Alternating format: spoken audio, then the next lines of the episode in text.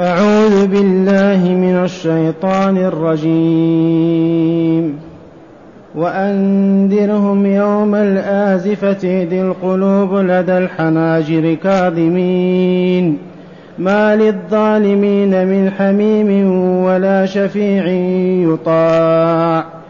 يعلم خائنة الأعين وما تخفي الصدور. والله يقضي بالحق. والذين يدعون من دونه لا يقضون بشيء. إن الله هو السميع البصير. أحسنت. معاشر المستمعين والمستمعات من المؤمنين والمؤمنات قول ربنا جل ذكره وأنذرهم يوم الآزفة. من الآمر الله من المأمور رسول الله صلى الله عليه وسلم. فهذه الآية وحدها تدل على أنه لا إله إلا الله وأن محمدا رسول الله. وأنذرهم خوفهم ينذرهم مما من يوم الآزفة. يوم الآزفة هو يوم القيامة. وقيل فيه آزفة بمعنى قريبة والله لقريبة وجاء من سورة النجم أزفت الآزفة ليس لها من دون الله كاشفة. ليس لها من دون الله كاشفة تكشفها وتظهرها إذ لا يعلم وقتها إلا الله. لا ملك مقرب ولا نبي مرسل ولا غيره. وما أمر الساعة إلا كلمح البصر ولكن علمها عند الله. علم الساعة ليس عند كائن إلا الله. هو الذي يعلم متى تتجلى وتظهر وتنكشف.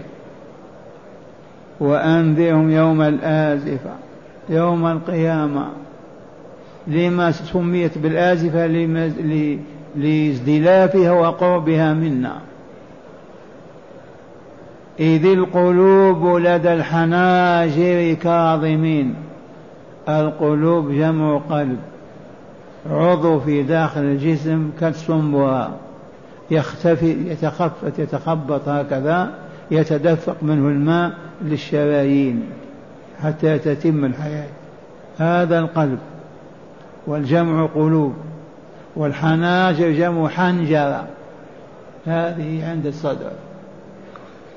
القلوب عند الحناجر كاظمين. أهلها كاظمون. في كرب وغيظ عظيم. نعم إذا ظهرت الساعة حصل هذا الذي أخبر تعالى به. القلوب ترتفع من شدة الكرب إلى الحنجرة تفارق مكانها. والكظم عجب والهم والكرب نعم. الموت العادي إذا حضره الإنسان يركب ويحزن. فكيف بالساعة بكاملها وقيامها على البشرية كلها؟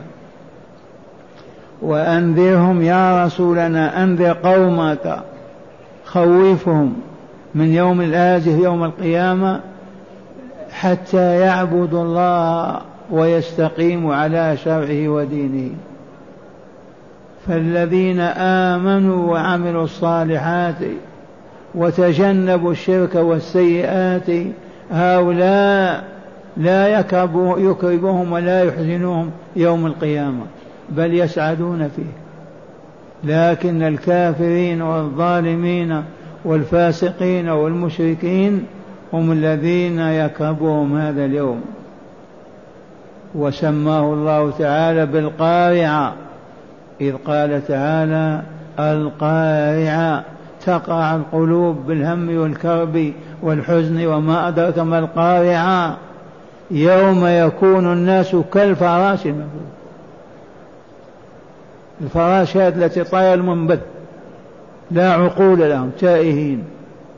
وتكون الجبال على عظمتها ورسوخها في الأرض كال كال كالهباء المنثور وسماها الحاقة الواجبة.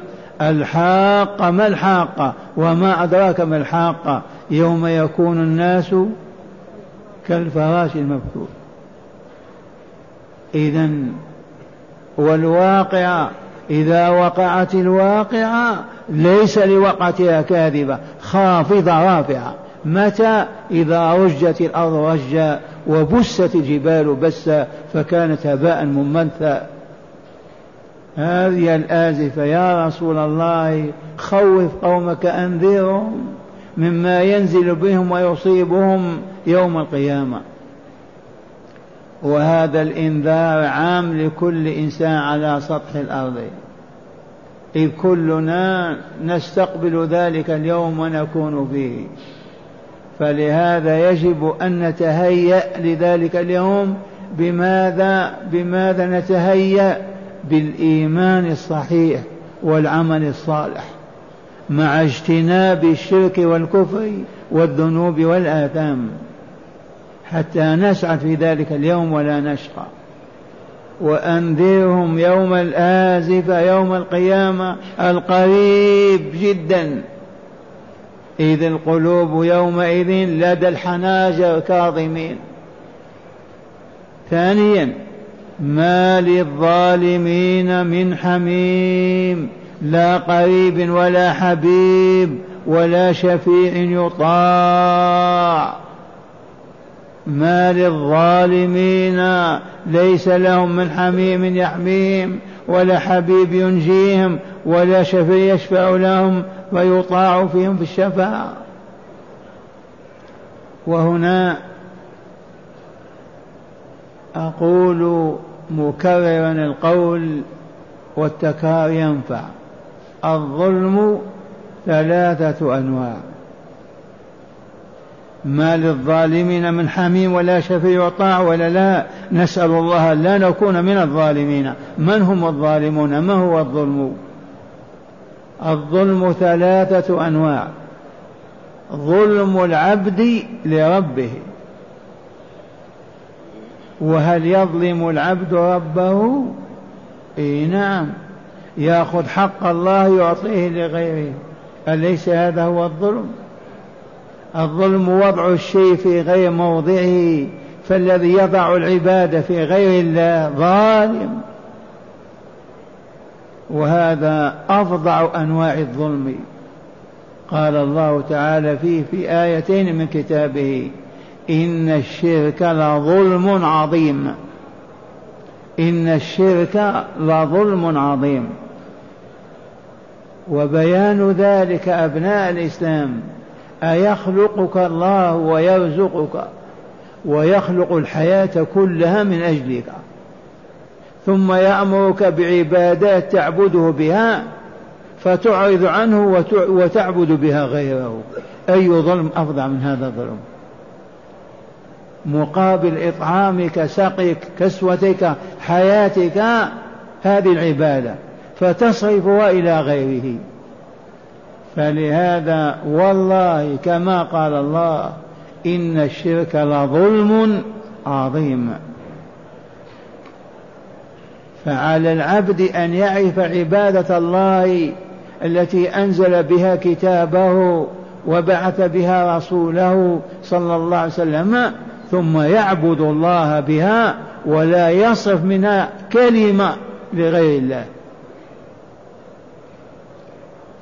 وأعظم مظاهر العبادة الدعاء السؤال الطلب يا عبد الله لا تسأل غير ربك لا تطلب غير الله الاستعاذة لا تستعيذ بغير ربك فإنه والله لا يعيدك أحد إلا الله الاستغاثة لا تستغيث بغير ربك لا تقل يا إلا لله فقط.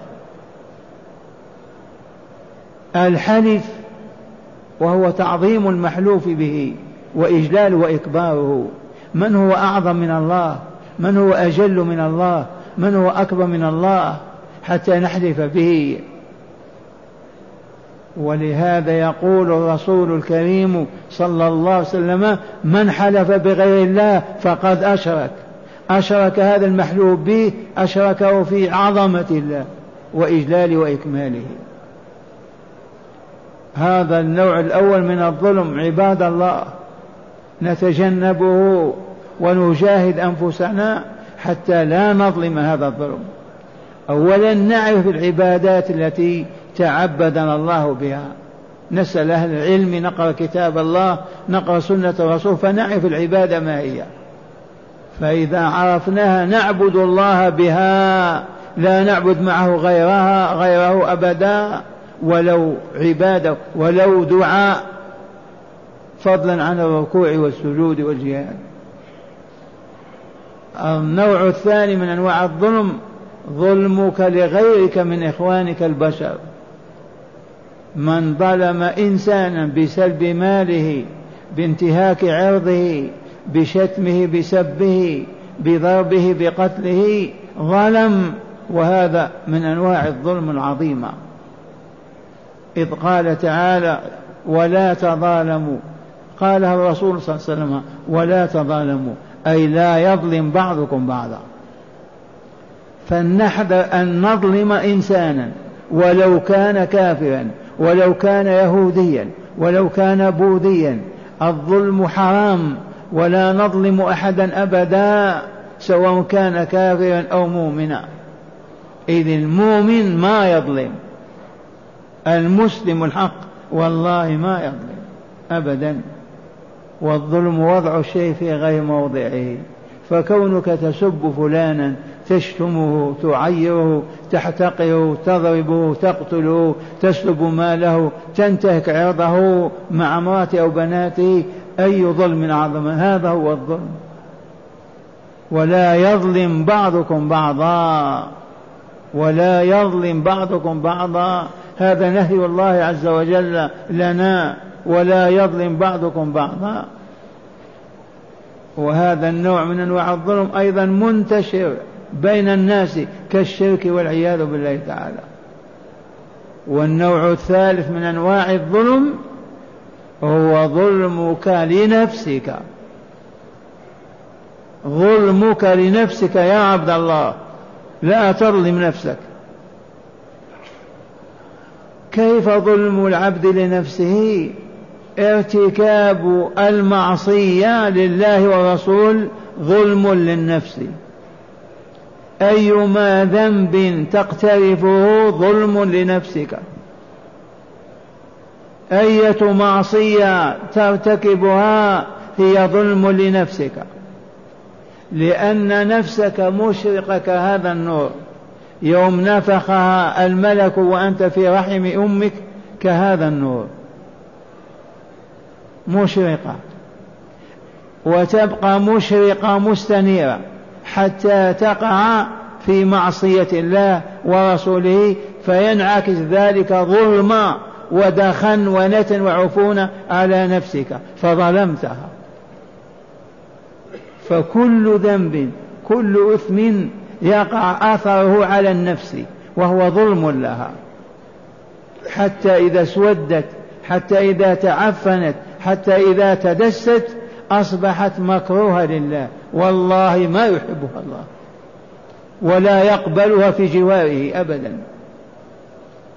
واسمعوا قوله تعالى في هذه القضية. قال عز وجل قد أفلح من زكاها وقد خاب من دساها. هذا خبر وإلا لا؟ من أخبر به؟ الله. وخبر مؤكد بسبعة أيمان. الله يحلف من أجلنا حتى نصدق ما يقول. والله سبعة أيمان. وإليكموها. والشمس وضحاها. والقمر إذا تلاها والنهار إذا جلاها والليل إذا يغشاها والسماء وما بناها والأرض وما طحاها ونفس وما سواها فألهمها فجورها وتقواها. كم يمين هذه؟ سبعة أيمان. لأن الأمر عظيم ولهذا أكده بالأيمان حتى ما يبقى في نفسك شيء أبدا على هذا الحكم الإلهي. وهو قد أفلح من زكاها أي نفسه. وقد خاب من دساها أي نفسه. ومعنى زكاها طيبها وطهرها وسميت الزكاة زكاة لأنها تزكي النفس وتطهرها. كل عبادة حتى كلمة سبحان الله تريد بها وجه الله تزكي النفس وتطهرها. صلاة ركعتين قولك لا إله إلا الله صدقتك بدينار أو أقل دينار تزكي النفس. كل الأعمال الصالحة تزكي النفس البشرية. والله العظيم. قد أفلح من زكى نفسه طيبها وطهرها بماذا؟ ما هي أدوات التزكية والتطهير؟ ماء صابون الماء الصابون يزكي النفس لا يزكي الثوب هذا والبدن. أما النفس يزكيها ماذا؟ العمل الصالح العبادات. شرعها الله. من أجل أن تزكو نفوس عباده. من أجل أن تزكو نفوس عباده. فإذا ماتوا رفعهم إليه وهم في جواره. أرواح المؤمنين الصالحين المؤمنات الصالحات والله لفي الملكوت الأعلى عند الله. وإن كان الاتصال بالقبر واجب اتصال كامل لكن هي في عليين. وقروا كلا إن كتاب الأبهار لفي عليين. أرواح منتنة عفنة خبيثة مدسات والله لفي أسفل سافلين. واسمعوا والتين والزيتون وطور سينين وهذا البلد الأمين. لقد خلقنا الإنسان في أحسن تقييم ثم رددناه أسفل سافل. إلا الذين آمنوا وعملوا الصالحات فلهم أجر غير ممنون. إذا هذا الظلم يا أبناء الإسلام ظلمك لإخوانك بني الناس بني آدم بالظلم على اختلاف أنواعه يدس النفس. فلنتق الله عز وجل فنعبده وحده ولا نعصيه في طاعة وطاعة رسوله ولا نؤذي مؤمنا ولا مؤمنا في حياتنا بذلك نكون قد زكينا أنفسنا طيبناها طهرناها. ونبعد الذنوب عن حياتنا كاملة. ومن زلت قدمه سقط الله أكبر أستغفر الله يمحي ذلك الأثر. ذي خذوها. ما من مؤمن تزل قدمه يغويه الشيطان تؤثر فيه الدنيا ويقع في معصية ثم يقول أستغفر الله أستغفر الله أستغفر الله. والله لن محى ذلك الأثر. وزال. ومثاله ثوبك الأبيض. يقع عليه شيء أسود وكذا على الفور تغسله يزول ذلك الأثر. ويصبح كما كان نظيفا زكيا طاهرا. هذا الحكم الإلهي ما ننساه. والله دائما بين أعيننا قد أفلح من زكاها وقد خاب من دساها. وكلمة من تشمل الأبيض والأسود في الأولين والآخرين الغني والفقير الضعيف والقوي الكل من يعمل عملا صالحا تزكو به نفسه. كل من يعمل عملا سيئا تتدسى به وتخبث نفسه. وهنا سائل يقول ما الفلاح هذا يا شيخ؟ قد أفلح ما معنى أفلح؟ ما الفلاح؟ الفلاح تعرفونه في التجارة والصناعة والزراعة أفلح فلان في عمله فاز. أفلح بمعنى فاز. كيف يفوز؟ بين تعالى ذلك بقوله من سورة آل عمران اسمعوا هذا الخبر العظيم. كل نفس ذائقة الموت. من يقول لا إلا نفسي. من يرفع يده تحت السماء يقول إلا أنا أو إلا بني فلان. نفذ هذا الحكم وإلا لا؟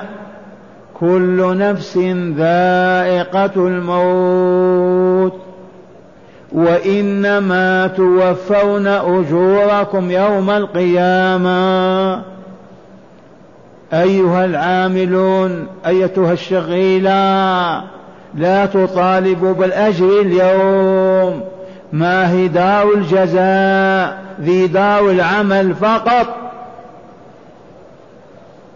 إنما توفون أجوركم يوم القيامة. اعمل ستين سبعين سنة صيام ما تأخذ أجرك الآن. ما هي دار الجزاء هذه؟ دار الجزاء الدار الثانية التي بعد نهاية الحياة هنا ننتقل إليها ثم الجزاء. سبحان الله العظيم. وإنما توفون أجوركم يوم القيامة. يعيش أحدنا سبعين سنة مريضا سبعين سنة فقيرا سبعين سنة كذا وهو يعبد الله الليل والنهار. أين جزاء عبادته ما هي دار جزاء؟ هذه هذه دار عمل فقط الجزاء في الدار الآخرة. كل نفس ذائقة الموت وإنما توفون أجوركم يوم القيامة. فمن زحزح اسمع الفوز ما هو. فمن زحزح عن النار وأدخل الجنة فقد فاز. فمن زحزح عن النار وأدخل الجنة فقد فاز. هذا هو الفوز.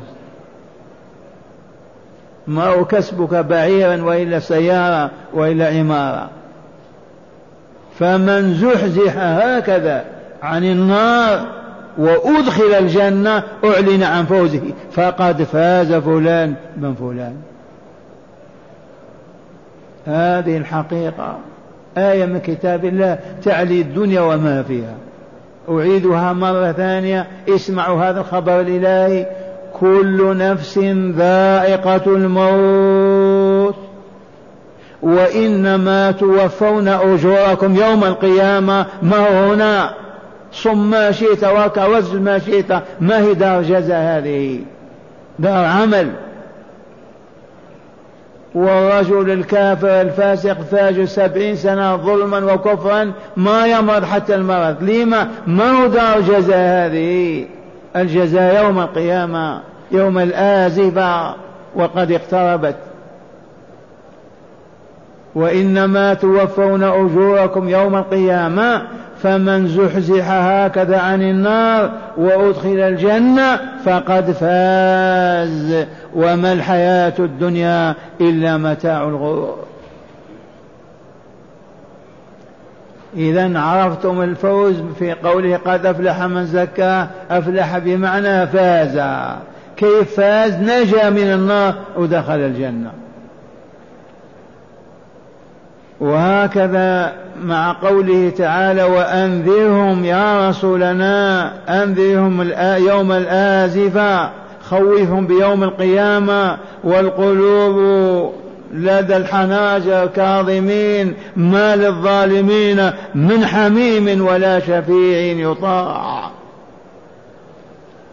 لا حميم قريب من أرحام ولا نسيب ولا محب يدفع عنك. وهنا مسألة ثالثة في الشفاعة. الشفاعة ما الشفاعة؟ الله يقول ولا شفيع يطاع. ما يشفع فيهم أحد. وإن شفع شافع ما يقبل. ما تقبل شفاعته. أو تقبل واسمع الآية. وأنذرهم يوم الآزفة.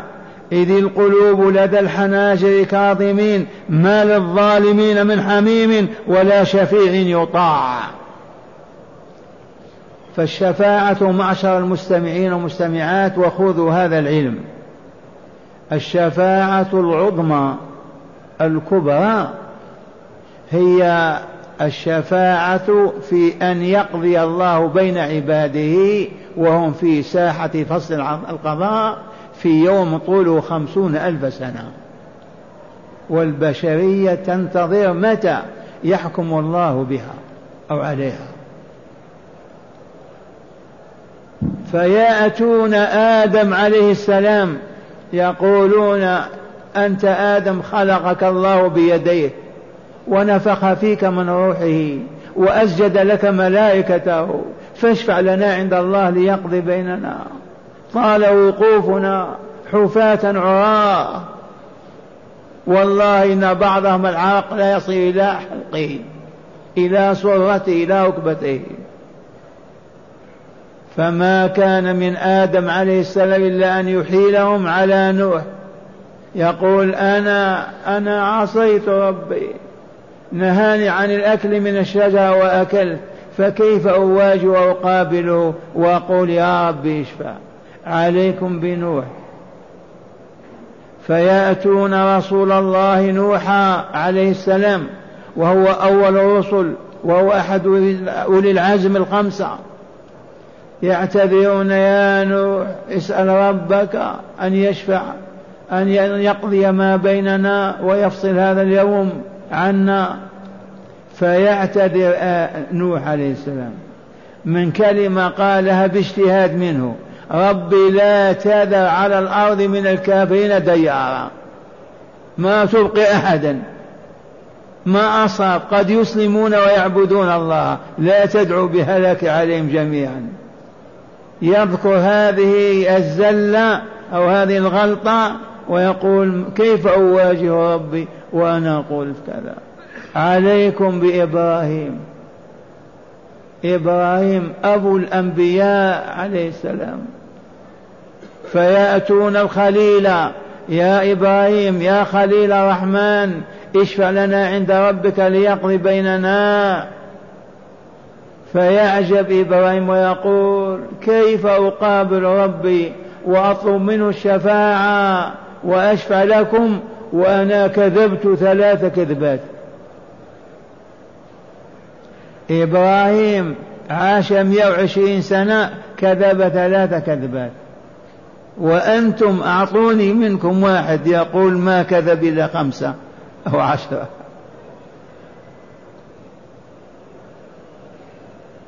أقول بري التوسيع عليكم. والله ما أذكر أنني كذبت كذبة من يوم ما بلغت.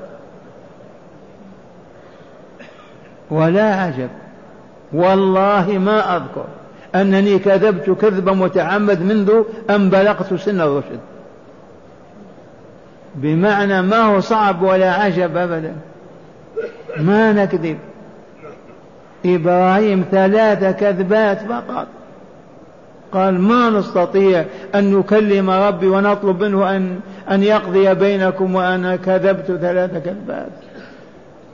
أتدرون ما كذبات إبراهيم؟ كذبات إبراهيم خير من صدقنا نحن. كذباته خير من صدقنا. ما هذه الكذبات؟ الكذبة الأولى لما جاء العيد عيد النصارى عيد اليهود عيد المسيح أعياد المشركين غدا يوم السبت. جاءوا لإبراهيم وقالوا يا إبراهيم تخرج معنا غدا للعيد نوفي على أنفسنا والطعام والحفل كذا. فنظر نظر في النجوم وقال إني سقيم. ما نستطيع نخرج مريض والنظر إلى النجوم ليوهمهم لأنهم يعبدون نجومهم. فنظر نظرة في النجوم فقال إني سقيم. ما نستطيع. هذه عدها كذبة. ما هو مريض وقال أنا سقيم. لماذا من أجل أن يخلوا إذا خرجوا من المدينة إلى اللهو واللعب يحطم أصنامهم ويقضي عليها. وبالفعل لما خرجوا كل من عنده صنم يعبدوه يضع بين يديه صحفة من الحلويات والبقلاوة وكذا وكذا أنواع الطعام. حتى تبارك الآلهة وغدا لما يرجعون يأخذونها ويأكلون فيها بركة. تبهتم هذا يفعله النصارى الآن وكثير من الجهال. إذا لما خرجوا بقي وحده. مر بساحة الأصنام ساحة عظيمة ونظر ثم أخذ فأس من فؤوس الحديد وأخذ يحطمها. كسر كسر كسرها وحده. وجاء بالفاس وربطه في عنق أكبر إله عنده. في أكبر إله صنم أكبر عندهم ربط به الفاس وخرج. لما قضوا عيدهم وعادوا في المساء متكالبين يريدون الحلويات التي باركت الآلهة وجدوها متناثرة. من فعل هذا بآلهتنا إنه لمن الظالمين؟ قالوا سمعنا فتى يذكرهم يقال له إبراهيم. قالوا فأتوا به على أعين الناس لعلهم يشهدون وجاءوا به. أنت فعلت هذا بآلهتنا يا إبراهيم؟ قال بل فعلوا كبيرهم هذا فاسألوهم إن كانوا ينطقون. أشار إلى أصبعه. ففهم أنه قال الصنم. فكانت هذه كذبة. وهي خير من صدقنا. الكذبة الثالثة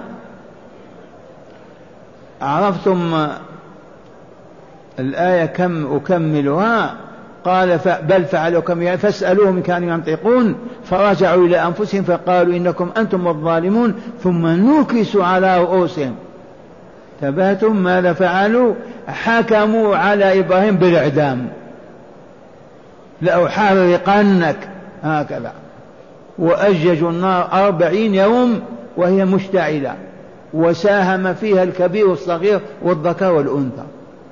لما جاء اليوم الذي يلقونه في النار وضعوه في منجنيق ودفعوه في الطريق قال الله للنار يا نار كوني بردا وسلاما على إبراهيم. ألقوه في النار والله ما حرقت إلا كتاف الكتاف الذي بيديه ورجليه وخرج وجبينه تتفصد عرقا لأن جبريل كما سمعتم بالأمس قال ألك حاجة يا إبراهيم؟ قال أما إليك. فلا حسبي الله ونعم الوكيل. وصدر أمر الله إلى النار. قلنا يا نار كوني بردا وسلام على إبراهيم. وخرج منها. كوني بردا وسلام على إبراهيم؟ ارفع صوتك. فأرادوا بكذا فجعلناهم الأسفل الأخسرين نعم. الأخسرين آية والأسفلين آية. والشاهد عندنا بقيت الكذبة الثالثة. لما هاجر لما ألقي في النار نجا أراد أن يهاجر من تلك الديار ديار أرض بابل. ما تصلح الحياة فيها. فخرج مع زوجته سارة بنت عمه بنت عمه. وابن أخيه لوط عليه السلام ثلاثة أنفار.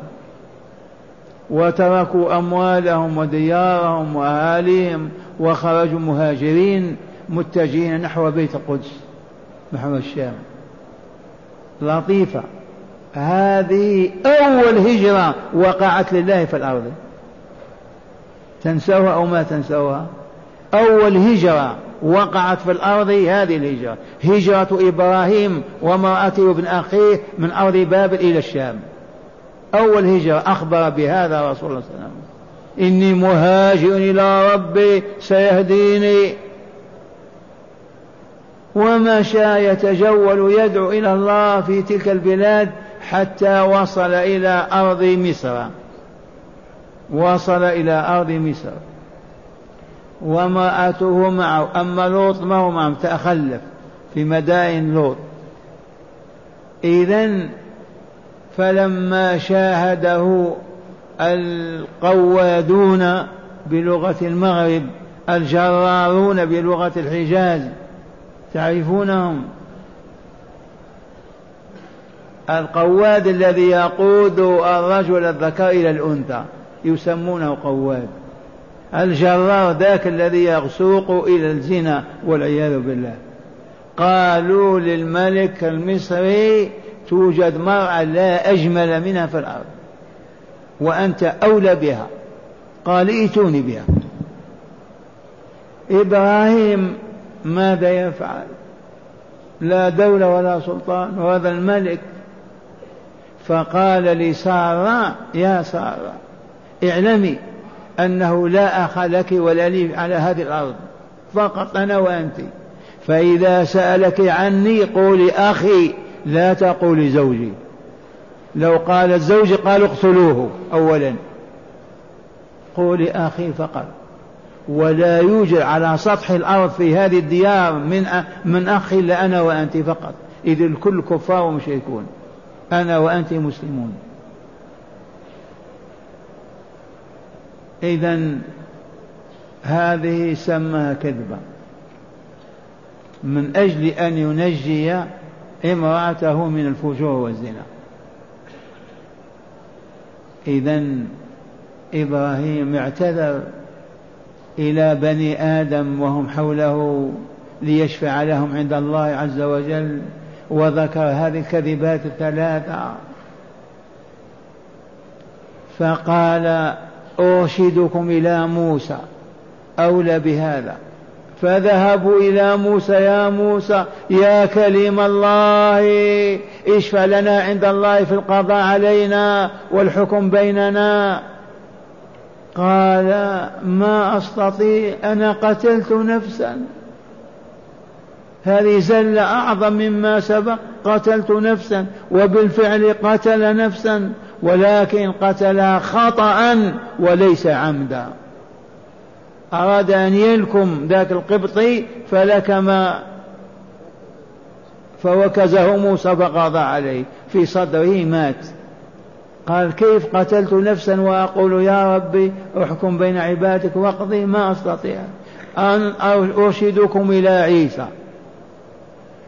فجاءوا عيسى يا روح الله يا ابن مريم اشفع لنا عند الله. فقال لم يذكر يقول الرسول الكريم لم يذكر ذنبا عيسى قط. هذه لطيفة. ثلاثة وثلاثين سنة ما أذنب قط. والله ما أذنب. وسيعيش ثلاثين سنة أخرى ويموت في المدينة ويدفن مع رسول الله صلى الله عليه وسلم وأبي بكر ولم يذنب ذنبا واحدا. مطلقا. لم يذكر عيسى ذنب حينئذ يقول لهم أدلكم على محمد صلى الله عليه وسلم. هذا الذي يمكن أن يشفع لكم. أما أنا فلا. فيأتون رسول الله صلى الله عليه وسلم ويقول يا رسول الله يقول أنا لها أنا لها أنا لها. إذ وعدني ربي بذلك. في كتابه وعده بهذا الموقف العظيم. ويأتي الرب تبارك وتعالى فيخر ساجدا تحت العرش ويلهمه الله بأذكار وتسابيح ما علمها فلا يزال يسبح الله وهو ساجد على الأرض تحت العرش حتى يقول له الرب تعالى محمد ارفع رأسك واسأل تعطى واشفع تشفع. وبهذا فاز بالشفاعة العظمى. نالها وعده الله بها وعد الصدق الذي وعده به في آية من كتاب الله. عسى ربك أن يبعثك مقاما محمودا. هذا هو عسى من الله تدل على الوجوب. هذا هو المقام المحمود الذي حمد عليه أهل الأرض أجمعين. إذا يشفع للبشرية كلها أي ليقضي الله بينهم. هذه الشفاعة. هذه تسمى الشفاعة العظمى. لمن؟ من صاحبها؟ رسول الله صلى الله عليه وسلم. من أخبر بهذا هو صلى الله عليه وسلم. البشرية تنقت ما بين آدم إلى نوح إلى موسى إلى إبراهيم إلى موسى إلى عيسى وهم يحولونها ويذكرون ذنبا اقترفوه. الرسول قال أنا لها. أولا خر ساجدا تحت العرش. وألهمه الله بأذكار وتسابيح ما كان يعلمها فلا زال يسبح ويذكر حتى قال له الرب تعالى محمد ارفع رأسك واسأل تعطى واشفع تشفع هذه الشفاعة العظمى. دونها شفاعة أخرى من مات له ثلاثة أطفال منا لم يبلغوا سن الرشد أطفال وما حزن ولا كرب واتقى الله والله يشفعون له. يشفع النبي لمجرم لفساق هذه الأمة. لكن الذي ما ننساه حتى ما نتخبط أولا حتى يأذن الله لك بالشفاعة. لا يشفع أحد إلا بعد أن يأذن الله له. رب أريد أن أشفع في والدي. إن أذن لك نعم ما أذن ما تشفع. امرأة تقول رب أريد أن أشفع في زوجي عبدا مؤمنا وكذا إن أذن الله شفعت. ثانيا لن يرضى الله عنك لتشفع إلا عمن رضيه أن يدخل الجنة. إذا لم يرضى بهذا المشفوع له بالجنة والله ما تقبل شفاعته. والآية من سورة النجم واضحة. وكم من ملك في السماوات لا تغني شفاعتهم شيئا إلا من بعد أن يأذن الله لمن يشاء أولا ويرضى بالمشفوع له ثانيا. هذه الآية ما ننساها. كم ملايين كم من ملك في السماوات لا تغني شفاعتهم شيئا أدنى شيء إلا من بعد أن يأذن الله لك لتشفع ويرضى عن المشفوع له. فمن هنا لا تطلب الشفاعة إلا من الله. لا تطلب الشفاعة إلا من الله. والبهاليل والدراويش يا رسول الله اشفع لنا يا رسول الله. يضيعون أوقاتهم وكلامهم. لا يشفع أحد إلا من أذن الله له بالشفاعة لا تطلب الشفاعة إلا من الله. فلنطلبها. اللهم اجعلنا ممن تشفع فيهم رسولك ونبيك يا رب العالمين.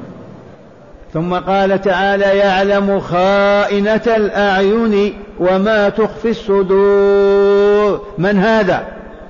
الله. وهل العين تخون؟ أخرج للشارع. تجد أنت جالس جالسين مرت مرأة العين ما ندري كيف تنظرها. خائنة العيون. في العيون خائنة تخون النظر إلى المرأة الأجنبية. وما تخفي الصدور لما ينظر إليها يخطر بباله أن يزني بها أو يرجو بها. كذلك يعلم الله ذلك. فلهذا لا نفتح أعيننا في امرأتنا أبدا. ومن أراد أن ينظر إلينا ينظر في الطريق يوميا. ماذا نصنع؟ والنساء في الشوارع. ما نطفي لنا نطاطي رؤوسنا. إذا خانت العين خيانة القلب يتخبط أيضا ويعد ويقول نفعل نفعل. والله يقول اسمع يعلم خائنة الأعين وما تخفيه الصدور. من أي شيء؟ ومن هنا يجب ألا نخون ربنا وألا تكون أعيننا خائنة. ما ننظر إلى نساء المؤمنين من غير محارمنا. ولا نضمر ولا نضمر شرا ولا باطل ولا فساد في صدورنا فإن الله يعلمه ويجزينا به. ثم قال تعالى والله يقضي بالحق. يحكم بالحق ولا لا؟ لقوته.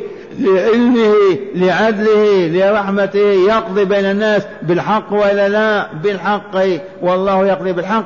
والذين يدعون من دونه لا يقضون بشيء سواء كانوا الأولياء والأنبياء والأصنام والحجارة. كل من يدعونه ويعبدونه من دون الله ما يحكمون بشيء يوم القيامة.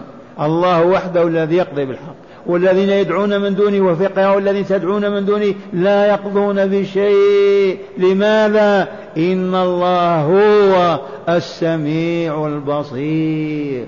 يسمع كل صوت وكل حركة ويبصر كل كائن وذرة. ومن فقد السمع كيف يحكم بالحق أو بالعدل؟ من فقد البصر كيف حكم يكون عادل؟ لا بد من السمع والبصر. والله تعالى أسأل أن يجعلنا من أوليائه وصالح عباده وأن يشفع فينا رسولنا صلى الله عليه وسلم لندخل الجنة مع النبيين والصديقين والشهداء والصالحين. هداية الآيات. قال من هداية الآيات أولا بيان هول يوم القيامة وصعوبة الموقف فيه. من هداية هذه الآيات الثلاث بيان هول يوم القيامة وصعوبته.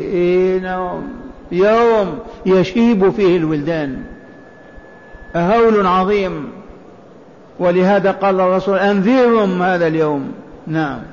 ثانيا انعدام الحميم والشفيع للظالمين يوم القيامة. انعدام الحميم والشفيع الذي يطاع يوم القيامة. ما فيه أبدا. إلا من أذن الله له ورضي بالمشفوع له. نعم. ثالثا بيان سعة علم الله تعالى. بيان سعة علم الله تعالى وسمعي وبصري. الله مطلع على كل شيء عليم بكل شيء بصير يرى كل شيء. فلهذا يجب أن نتقرب إليه ونتزلف إليه ونطرح بين يديه ندعوه نسأله نستعين به نستعيذ به ما لنا إلا هو. إن هو السميع العليم. بيان سعة الله تعالى علم الله تعالى حتى أنه يعلم خائنة الأعين وما تخفي ساعة علم الله حتى إنه يعلم خائنة العيون. عين خانت من الملايين يعلمها وما تخفي الصدور من خير أو شر يعلمه. نعم. رابعا قضاء الله عدل وحكمه نافذ وذلك لكمال علمه وقدرته. قضاء الله نافذ وحكمه لا بد لأنه ذو علم وحكمة. ما يحكم إلا بالعدل والحق. فلهذا ينفذ حكمه.